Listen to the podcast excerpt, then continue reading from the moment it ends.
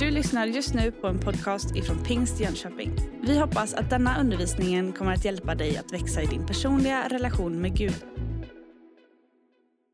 Wow, vilken underbar sång. Och vad fantastiskt det är att få fira gudstjänst här. Jag har så här, du vet, som prins Daniel sa en gång, att känslorna är all over the place. Eh, efter några veckors semester så är det här min första arbetsvecka och innan semestern hann vi bara ha en sån här söndagkväll med ganska mycket folk, men ändå.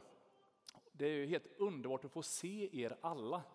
Man skulle vilja bara strunta i corona och ha en sån där liksom sydeuropeisk, liksom grekisk omfamning med någon sån där kindpuss som sitter i en vecka som kompensation för all distansering under så lång tid.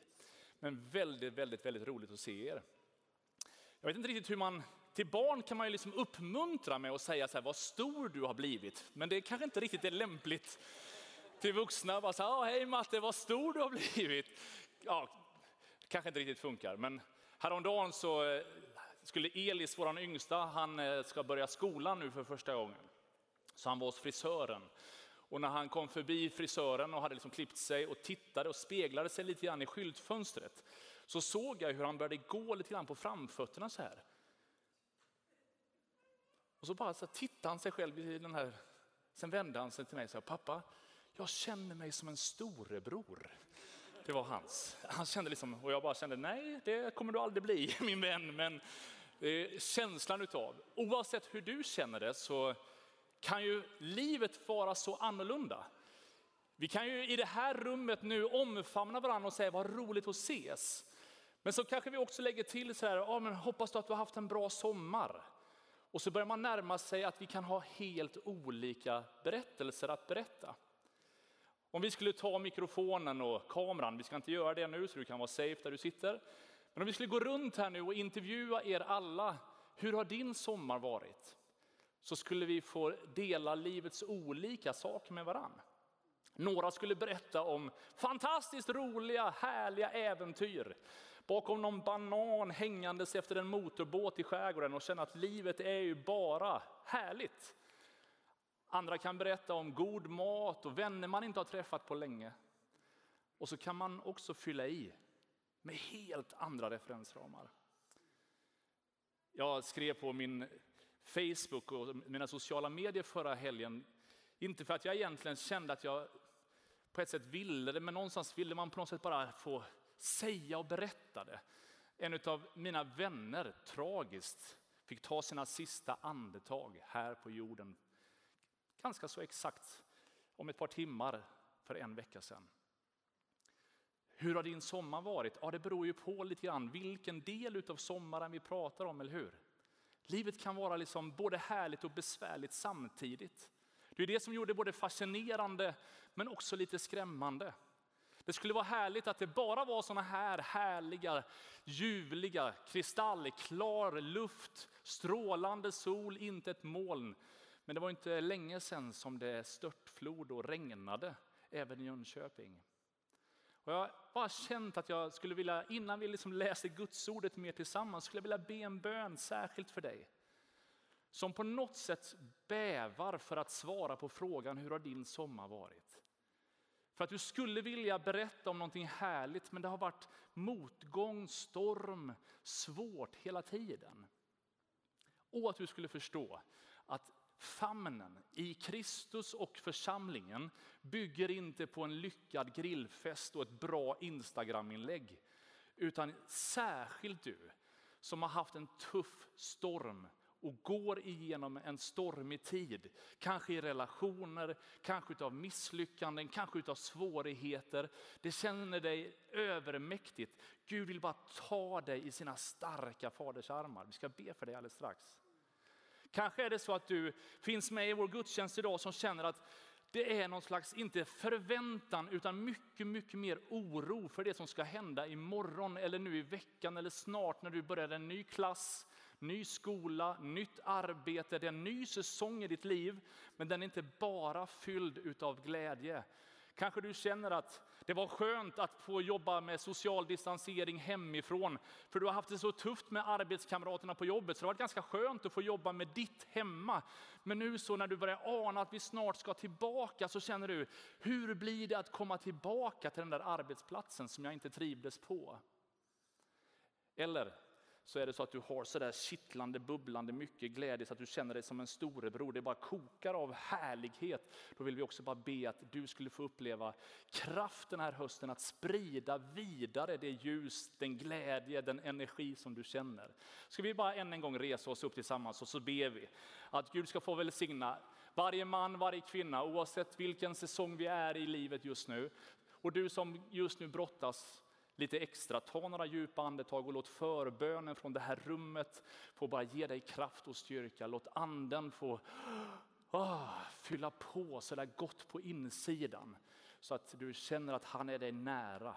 Låt oss be tillsammans. Herre, jag tackar dig för förmånen att få fira gudstjänst. Tackar dig för förmånen att få lovsjunga dig. Tackar dig för det vi har fått påminna oss om att du är trofast. Oavsett fall det är corona, eller fall det är förföljelse, fall det är krig i något land, eller fall vi har kämpit med alla möjliga saker, så kan vi bara få ramla in i din famn och säga du är där var fall. Om allt annat gungar så är du trofast. Du är där, håller oss i din starka hand. Och nu ber jag dig särskilt för den som i det här rummet, eller som på den, liksom via vår gudstjänst den här dagen, just nu går igenom en sån här svår tid. Herre, jag ber dig Gud att vi skulle kunna få vara som en trons sköld över varandra, Herre. Och att inte djävulens en enda brinnande pil ska kunna liksom, skjuta i sank Herre, våra liv, Herre, utan att du håller oss, du upprätthåller oss med ditt goda. Du håller oss i din starka hand, du omsluter oss på alla sidor. Och nu bara ber vi dig att de löftena skulle få bli påtagliga den här dagen. Och så tackar dig Gud för de som har haft goda grillkvällar, härliga promenader, mysiga stunder med nära och kära. Herre, jag bara ber dig Gud, låt den där glädjen och energin få smitta av sig. Så att vi får hjälp att blicka högre, se större, se mer av det som du har för oss. Ber om din välsignelse för ditt ord, Herre. Tack för att det alltid är levande och verksamt. Så när vi läser det idag, Herre, så bara ber vi dig att du skulle tala till oss. Vi ber att det som är på ditt hjärta skulle få vibrera i våra hjärtan. Och vi bara ber om en lyhördhet för det som du vill säga till oss. Herre, vi lyfter vår blick till dig, vi sätter vårt, vårt öra mot dig Herre och bara ber dig tala. Säg, visa vägen och vi bara tar emot det i Jesu namn. Amen, amen. Varsågod och slå er ner. Jag vet inte hur du gör när du ska berätta en berättelse.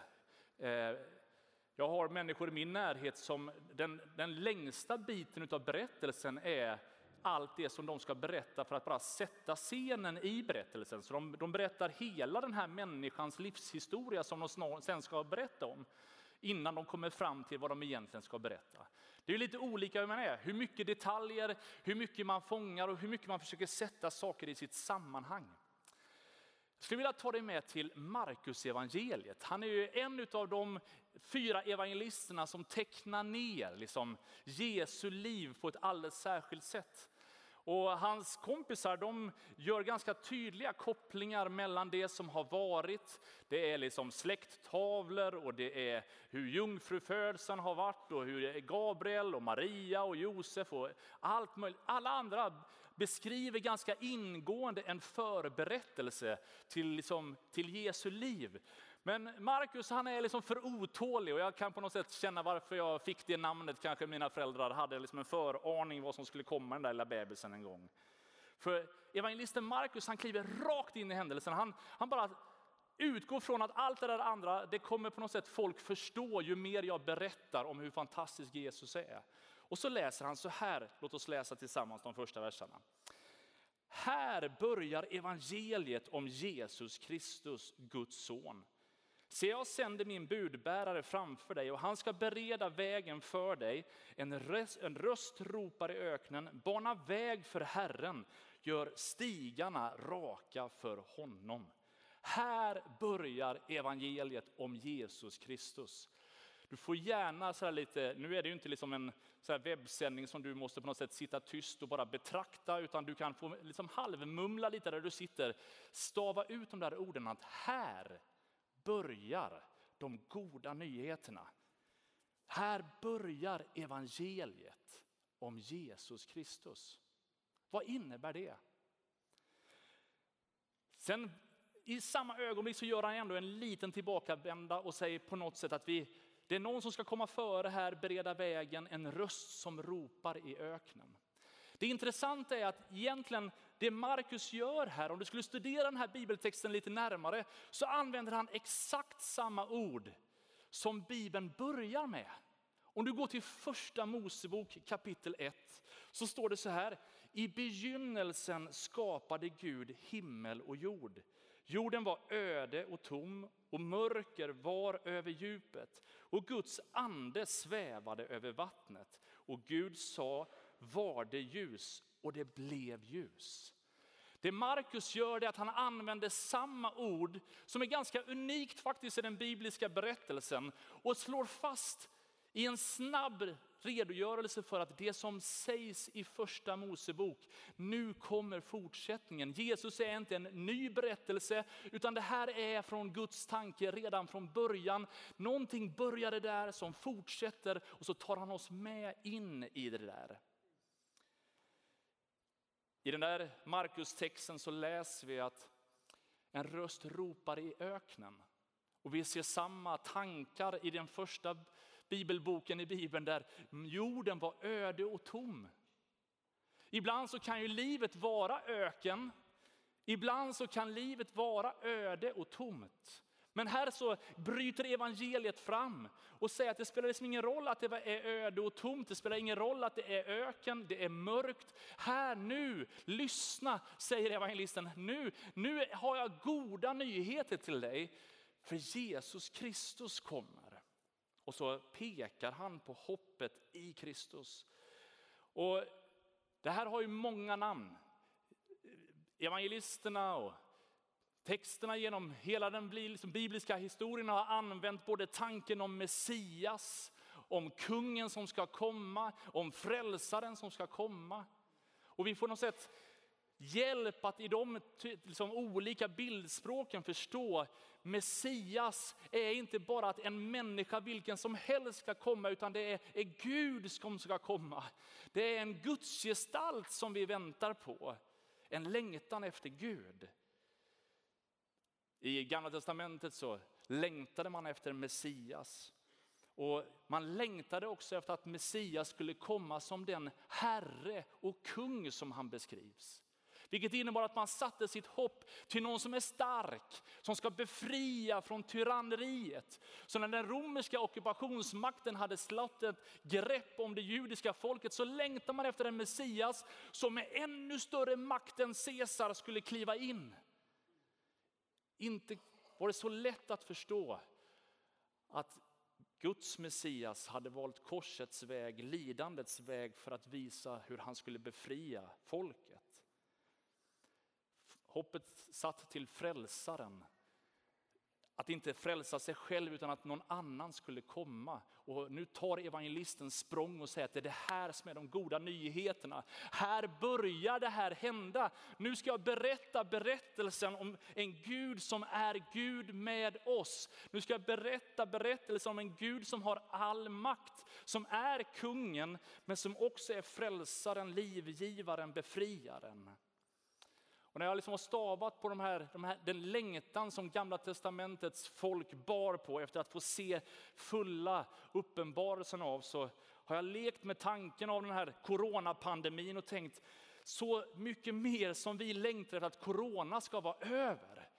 Liksom, vi, vi vill ju bara lägga någonting bakom oss. Så ville Israels folk också bara, åh vi vill inte ha det här, vi, vill, vi längtar efter någonting annat, vi vill ha det så som det är tänkt att vara. Så här, det är ju härligt att vi kan vara så här många, men vi längtar tills det är helt bakom oss. Jag tror att vi kan känna igen oss lite grann i en längtan efter befrielse, helande, förlåtelse, upprättelse. Vem längtar inte efter det?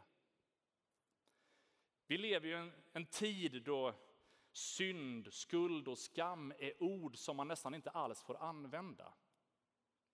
Och när vi blir kidnappade av de orden så blir det också svårt att någonstans få upprättelse, få helande, få förlåtelse. Jag tyckte det var intressant häromdagen när Expressens ledare eh, gick ut och skrev lite grann om krisen i Afghanistan och problematiserade just med samvetet. Oavsett vad man tycker politiskt om den eller den lösningen så förklarar den här ledarskribenten att det verkar som att våra samveten säger till oss att man kan inte göra på det här sättet. Men hur ska vi förhålla oss till den där inre rösten som på något sätt påminner oss om att vi behöver fatta andra beslut eller göra på ett annat sätt? Ja, det är därför vi behöver helande, förlåtelse, upprättelse. Evangelisten säger, här börjar evangeliet. Här kommer jag med de goda nyheterna. Och jag har känt tillbaka till första Mosebokberättelsen när, när Gud säger, okej, okay, jag ser att det är öde och tomt, men nu säger jag var det ljus. Att jag har en hälsning till dig som just nu av någon anledning tycker att livet är öde, mörkt, tomt, öken. Att Gud vill säga, här i Pingst Jönköping den här söndagen börjar evangeliet. Jag har det goda nyheter till dig. Jesus Kristus vill säga, var det ljus åt ditt mörker. Du kanske kom med tyngda axlar innanför, det här, liksom, innanför de här dörrarna, men att du skulle gå härifrån med ett möte med Gud, där han har fått lysa upp ditt inre.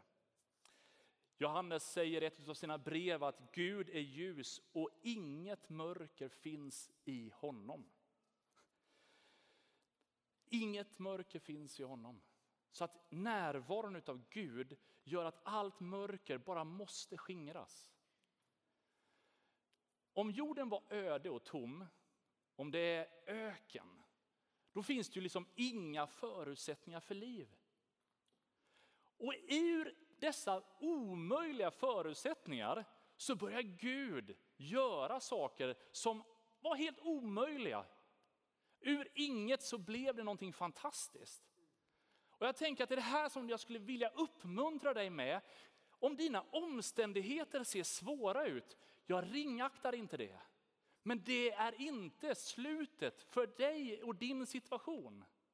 Spelar ingen roll förutsättningarna, omständigheterna. Det kan vara öde, tomt, och man känner bara allt hopp verkar vara ute. Ja, men Gud är större. Han kan säga sitt, var det ljus? Och så blir det en förändring i ditt och mitt liv. Åh, om du kunde få tag på det där ljuset i din själ. Här börjar de goda nyheterna. Här börjar evangeliet. Det blir ju svindlande att ha samma ord i huvudet. Och så tar Jesu orden lite senare i Johannesevangeliet som säger, så som Fadern har sänt mig, så sänder jag er. Så som Gud har använt och visat med sig själv, illustrerat med sitt liv på jorden vad hans hjärta är för alla människor, så vill han nu att du och jag i hans efterföljd ska få visa den här världen vem han är. Och på samma sätt som Jesus fick komma och ge ljus till världen så säger han, så som Fadern har sänt mig sänder nu jag er. Och jag skulle vilja uppmuntra dig den här söndagen att förstå att du också kan få vara med och vara de goda nyheterna för människor som du möter. När du går till jobbet imorgon, när du går till din skola imorgon, när du liksom hälsar på någon vän i eftermiddag. Oavsett vart du är, vem du träffar, så vill Gud använda dig och mig. Matteus evangeliet så säger Jesus kapitel 5 så här. Ni är världens ljus. En stad som ligger på ett berg kan inte döljas. Och man tänder inte ett ljus och sätter det under skeppan, utan man sätter det på hållaren så att det lyser för alla i huset. På samma sätt ska ert ljus lysa för människorna, så de ser era goda gärningar och prisar er far i himlen. Ni är världens ljus. Här börjar de goda nyheterna. Här börjar evangeliet. Här där du är förändrar. Det börjar på något sätt att Gud liksom han visar att Han skapar ur ingenting hela världen. Sen sänder han Jesus för att bara liksom vara frälsaren, visa vägen till Gud, ge sitt liv för hela världens skull. Och så säger han, okej okay, nu ska ni som tror på mig fortsätta att vara det här ljuset för människor som ni har runt omkring er. Ibland så har vi någon slags för låg bild av vilka vi själva är. Jag skulle vilja ruska om dig den här söndagen och säga bara du, du lyser mer än vad du tror. Du behövs mer än vad du tror. En del av dina arbetskamrater de fungerar väldigt bra i, sin, i sina tjänster hemma. Men de saknar kaffestunden på jobbet för då träffade de dig. Att bara höra din röst, se dig, vara nära dig, gör skillnad. Ja, men hur är det möjligt? Jag är ju lite så här, lite glömsk och jag gör, gör, det där och jag har de här karaktärsbristerna och jag, jag har det här och jag är inte så frimodig. Jag pratar väldigt sällan, liksom, ger massa bibelord och jag sjunger inte massa sånger. Och du kan ha många ursäkter. Men Jesus verkar inte bry sig om våra personligheter när han säger ni är världens ljus. Han, brukar, han verkar inte alls adressera allt det du förväntas göra. Att liksom, om du bara gör det här och det här och det här så kommer du med ljuset. Om du bara liksom gör på ett visst sätt, då är nej, det, det ligger i presensformen. Det är någonting du är. Och det verkar hända överallt. Det är det som är så häftigt. I Gamla Testamentet så är det Josua som får den här hälsningen i kapitel 1. Varje plats där ni sätter er fot har jag gett er, som jag lovade Mose. Har jag inte befallt er att vara stark och frimodig? Var inte rädd eller förfärad, för Herren din Gud är med dig vart du än går. Det är underbart att vara här i kyrkan och lovsjunga Gud tillsammans. Och det är ganska lätt att vara kristen här inne. Och det är ganska lätt att på något sätt bara liksom slappna av och liksom nu är vi ju fokuserade, vi har kommit till gudstjänst, vi har planerat för att vara här. Så det är liksom lite självklart att vi är lite närvarande i det som Gud vill säga och göra. Men Gud vill ju använda mig lika mycket när jag kliver ner från den här talar, liksom estraden som han vill använda mig uppe på den. Gud är lika mycket med mig imorgon som han är idag. Gud är inte längre ifrån dig bara för att du sitter på bussen eller är i skolan, som om du vore på läger. Gud har ju liksom inte distanserat sig och säger bara okej, okay, jag är bara på All Star Week det här året, för jag liksom kan inte vara riktigt överallt. Och nu har det varit så, då får du vänta till nästa år. Så funkar inte Gud, utan överallt där du sätter din fot så kommer han som är i dig att visa att han är större än den som är i världen och det ljus som bor i dig kommer att lysa genom dig. Utan att exponera för mycket så förra helgen när vi liksom hamnade i sorg så stod jag på en parkering med människor som jag aldrig har träffat, som jag inte ens visste vilka de var. Men våra ögon möttes och en kort ordväxling så förstod vi att vi liksom sörjde av samma anledning. Och så möts man på något sätt i en kram. Ja, jag vet att det är corona och att man ska ha distansering, men nöden har ingen lag. Och så står vi på en parkering och gråter tillsammans. Och jag säger ju ingenting mer än mina tårar. Jag har på något sätt. Ingen, jag levererar ingen predikan, jag säger inte någonting. Men jag förstår bara en liten stund senare, när de här människorna åkte därifrån, att de hade fått med sig någonting av ljus mitt i sorgen. Och bara, hur är det möjligt? Jag sa ju ingenting, jag gjorde ju knappt någonting. Nej, men det handlar inte om vad vi gör, utan vilka vi är. Du kan lysa upp någon annans värld genom att bara se dem i ögonen. När vi lever nu i någon slags digital värld, man bara liksom finns där ute. Det är underbart med alla er som är med och firar gudstjänst online, men vi längtar efter att få se dig in i ögonen.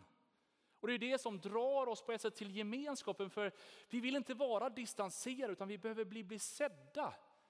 Behovet av bekräftelse är starkt i varenda människa. Och genom att bara du riktar blicken mot någon och möter dens blick kan du vara med och lysa upp dens värld. Jesus säger att vi ska ta emot Guds rike som barn. Och du vet, barn har en fantastisk förmåga att bara suga åt sig uppmärksamheten. Vi såg det när det gick en liten parvel här alldeles nyss. Det är ingen som lyssnar på predikanten. Det är liksom så här, här har man äntligen längtat att vi ska vara tillsammans. Men det finns någonting i ett barns uppmärksamhet som på något sätt bara tvingar. Men som också höjer rösten till dess vi tittar dem i ögonen. Och när vi möter blicken, då lugnar de ner sig. Jag tror att det är precis samma sak med oss män, som äldre, bara att det ter sig lite annorlunda. Vi kan ha alla möjliga, liksom, vi kan skicka massa elaka mejl, vi kan säga massa dumma saker, vi kan bete oss ganska elakt ibland. Men när någon tittar oss i ögonen så blir det annorlunda. Du kan lysa upp någons värld genom att bara se dem. Du kan faktiskt lysa upp någons värld genom att bara le mot dem. Du behöver inte säga så mycket mer än att bara le. Ah, men du vet, det är ju, jag är inte sån här som ler åt alla. Och liksom så här, det är, ah, men du, vet, du, kan, du kan bara be att den helige ande fyller dig. För andens frukt är glädje och vänlighet. Så ju mer du har den helige ande i dig, ju mer glädje kommer du med. Ju mer vänlighet kommer du med. Och genom att bara se människor och le mot människor så kan du lysa upp deras värld. Du kan sitta på bussen eller på restaurangen eller du kan bara hälsa på grannen med en glad blick. Mitt i svårigheter så kan du mötas upp av att någonstans ändå förmedla hopp till någon annan. Ja, du kan se, du kan le och du kan ge. Vilken kraft det är när någon har plockat lite blåbär och inte bara fry, som lägger det i sin egen frys. Utan tar en del av skörden och knackar på till grannen och säger bara du, jag plockar en del blåbär, vill du ha de här? Eller istället för att bara lägga ut allting på Blocket, så att liksom säga, är det liksom du, erans liksom dotter, leker hon med sådana här leksaker, skulle ni vilja ha detta? Det behöver inte vara att ge stora summor och liksom massa stora presenter, men att i generositet bara vara med och stå till förfogande. När du ger av din tid, när du ger av dig själv, du lyser upp någon annans värld. Och jag har bara märkt så tydligt den här sommaren i en rad olika personliga möten med människor att Sverige är svältfödda på människor som lyser för någon annan. Man längtar efter att bli sedd, lyssnad till, inkluderad. Och därför så kan vi vara med och se, le, ge och be för andra. Det här är ju lite utmanande extra. Man kan be i det fördolda. Du kan liksom inte nämna för någon att du ber för dem, du kan bara be att Gud ska göra sitt verk. Och det ska du fortsätta att göra. Men jag skulle vilja utmana dig att kanske någon gång den här veckan även säga till den som du ber för, jag ber för dig. Jag kommer aldrig glömma då en av mina vänner hade en tuff situation i sitt liv. Och jag satt med ett sms och skulle smsa lite grann vad jag tänkte och kände. Och, hur liksom, och så avslutade jag mitt sms med jag tänker på dig. Det är ju så här, lite halv neutralt sätt att formulera sig. Och precis när jag ska skicka iväg det så får jag bara den här känslan att ah, men det här smset ska vara annorlunda. Så precis, jag backar tillbaka slutmeningen och så avslutar jag. Jag ber för dig. Och det tog inte många sekunder förrän min kompis hörde av sig.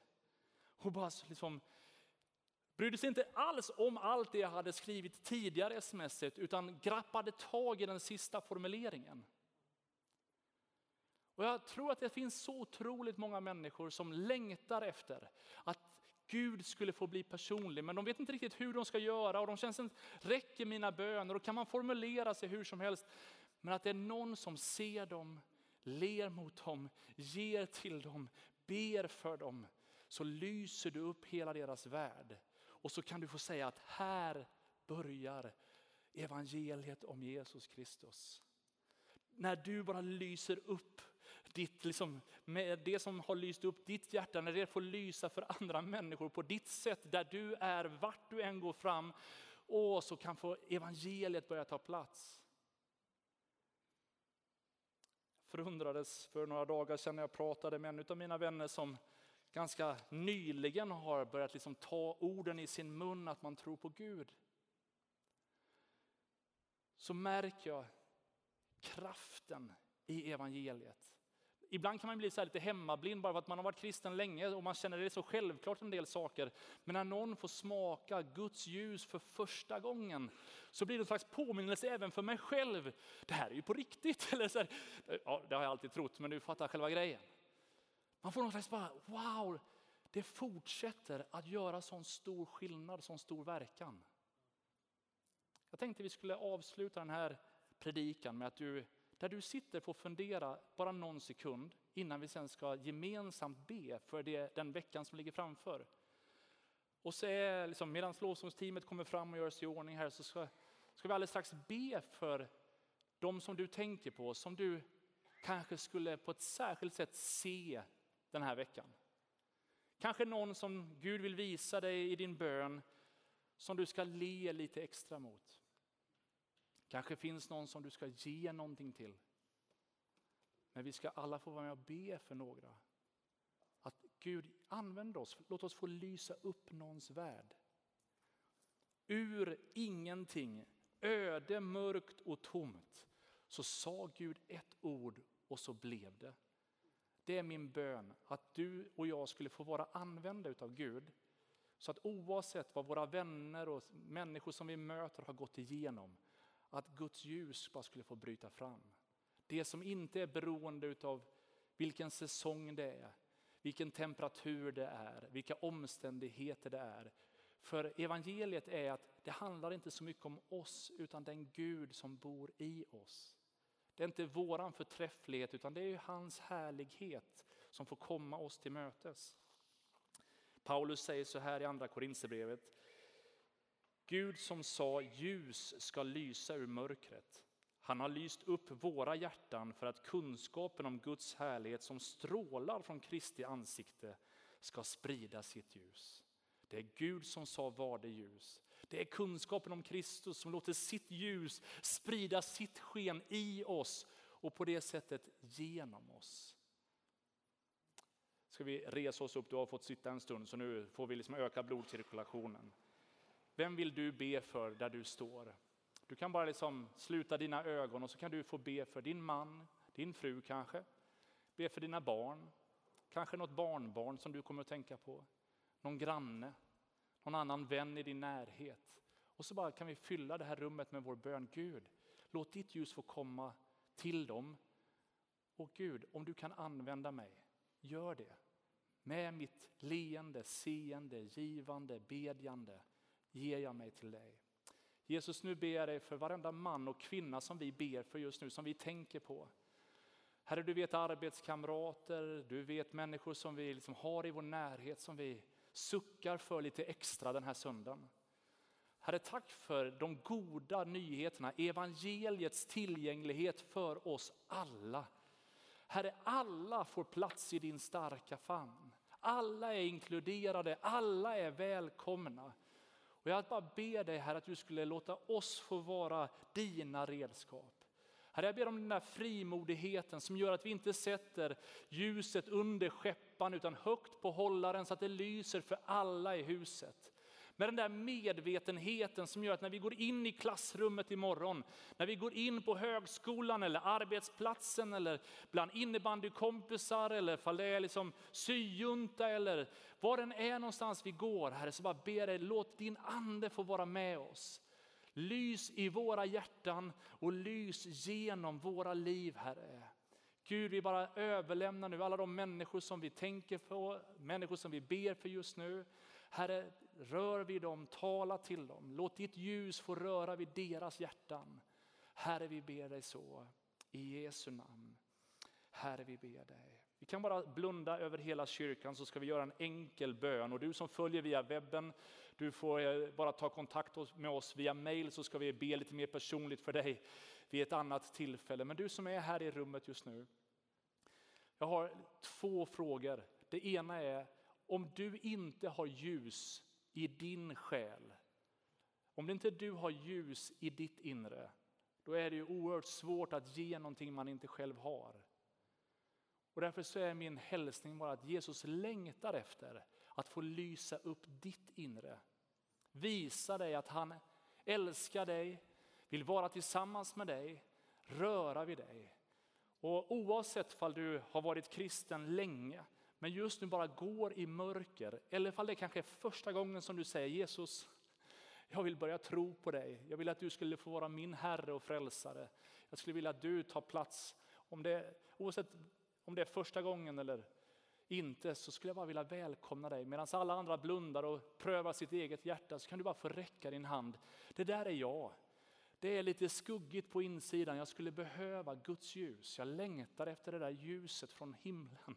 Så räcker du din hand bara försiktigt där du står så ska vi bara be en enkel bön för dig. Du kan bara räcka din hand där du står. Gud välsigne dig. Gud välsigne dig. Du kan ta ner handen sen när ni har räckt den. Tack Jesus. Är det någon mer som bara säger, det där är jag. Mitt liv är lite grann i skuggorna. Gud välsigne dig. Gud välsigne dig. Du kan ta ner handen sen när ni har räckt den. Tack Jesus. Fader vi ber dig. Är det någon mer som bara känner, jag längtar efter att Gud skulle få lysa upp mitt inre.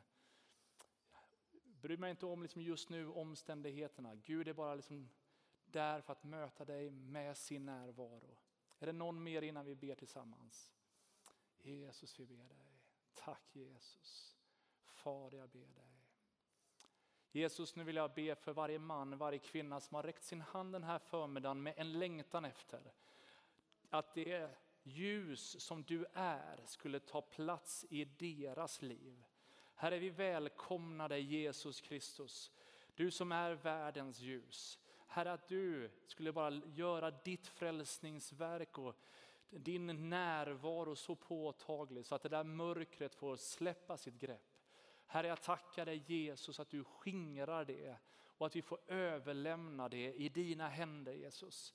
Och nu bara ber jag dig Herre, låt oss få vandra i ljuset så som du är i ljuset. Herre, jag bara ber att det inte bara är en upplevelse här i kyrkan just nu, utan låt det få vara skillnad den här dagen. Låt det vara skillnad dagar som ligger framför. Gud, jag ber dig. Herre, vi lägger nu alla dessa böner i dina händer och tackar dig för att du tar emot oss. I Jesu namn vi ber. Amen, amen. Du har just lyssnat på en podcast ifrån Pingst Jönköping. För att få reda på mer om vilka vi är och vad som händer i vår kyrka så kan du gå in på pingstjonkoping.se eller följa oss på sociala medier via pingstjkpg.